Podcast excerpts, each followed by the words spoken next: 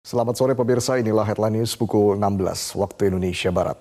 Kebakaran tungku smelter nikel kembali terjadi di kawasan PT Indonesia Morowali Industrial Park atau PT IMIP di Desa Fatupia, Kabupaten Morowali, Sulawesi Tengah. Sedikitnya dua pekerja sempat mengalami sesak nafas akibat menghirup asap kebakaran. Kebakaran tungku smelter milik PT Sulawesi Mining Investment atau PT SMI terjadi pada Jumat malam sekitar pukul 19 lewat 40 menit waktu Indonesia Tengah. Media Relations Head PT IMIP, Dedi Kurniawan membenarkan insiden kebakaran ini. Menurut Dedi, kebakaran terjadi akibat adanya luapan dari tungku hingga ke lantai dasar smelter. Paparan panas terhadap jaringan kabel listrik mengakibatkan kebakaran di sekitar Tungku, Furnace 1, PT SMI. Dampaknya seluruh karyawan yang bekerja di area pabrik sempat dievakuasi. Namun ada dua karyawan yang mengalami sesak nafas dan setelah mendapat penanganan medis di klinik milik perusahaan kurang lebih dua jam, kedua pekerja tersebut sudah diizinkan pulang. Kini situasinya sudah kembali normal, namun pihak PT SMI masih menghentikan pengoperasian Tungku 1 untuk kebutuhan investigasi dan perbaikan. Sebelumnya pada minggu pagi 24 Desember 2023 lalu juga terjadi kebakaran tungku pengelolaan nikel milik PT ITSS. Kecelakaan kerja itu berawal dari perbaikan tungku yang dilakukan oleh sejumlah pekerja. Sebanyak 19 orang dinyatakan meninggal akibat terbakarnya tungku, terdiri dari 11 tenaga kerja Indonesia dan 8 tenaga kerja asing.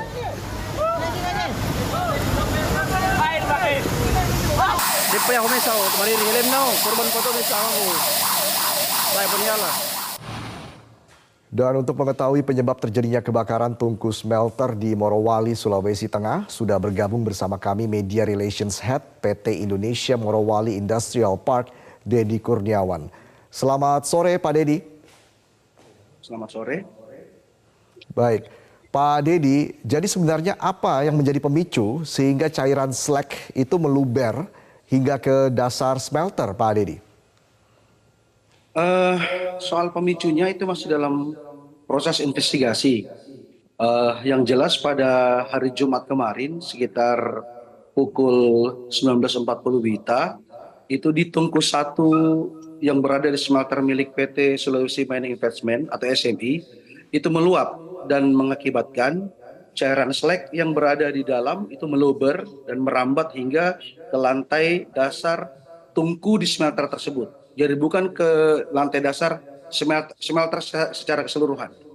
Akibat uh, kejadian itu terjadi paparan panas terhadap uh, jaringan kabel listrik yang ada di area itu. Untuk mencegah terjadinya kebakaran, aliran listrik di smelter milik PT SMI lalu dipadamkan uh, kecuali aliran listrik untuk uh, kebutuhan emergensi. Seluruh karyawan yang bekerja di area tersebut lalu dievakuasi. Hmm. Uh, kami kemudian mengerahkan empat uh, unit mobil pemadam kebakaran, uh, lalu melakukan penyemprotan untuk mendinginkan cairan selek yang meluber itu. Kurang lebih sekitar 40 menit, cairan selek itu akhirnya berhasil didinginkan. Oke, jadi pemicunya sendiri belum diketahui ya Pak Dedi? Ya, ya. Ya. Dari pihak kepolisian pun belum belum memberikan informasi terkait dengan pemicu dari kebakaran ini, Pak Dedi. Uh, kami sudah meminta kepolisian pihak kepolisian juga sudah datang uh, melakukan uh, melakukan investigasi, tapi kami belum mendapat informasi lebih lanjut dari pihak kepolisian uh, dari hasil penyidikannya. Uh, dari kejadian tersebut ada dua karyawan yang kemudian dievakuasi untuk mendapatkan observasi dan penanganan di klinik PT IMIP. Setelah kurang lebih dua jam mendapatkan penanganan, kedua karyawan tersebut eh, kondisinya sudah eh, untuk pulang ke rumahnya masing-masing.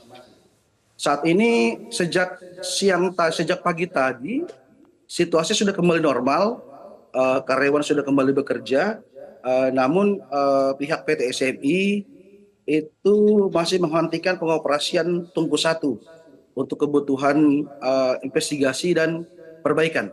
Demikian, Mas. Oke. Pak Dedi, apakah Anda melihat ada kesalahan prosedur atau kesalahan SOP di sini yang menjadi salah satu pemicu sehingga ada cairan slag tadi meluber bahkan hingga ke dasar smelter begitu Pak Dedi? Untuk saat ini kami belum melihat ke arah sana.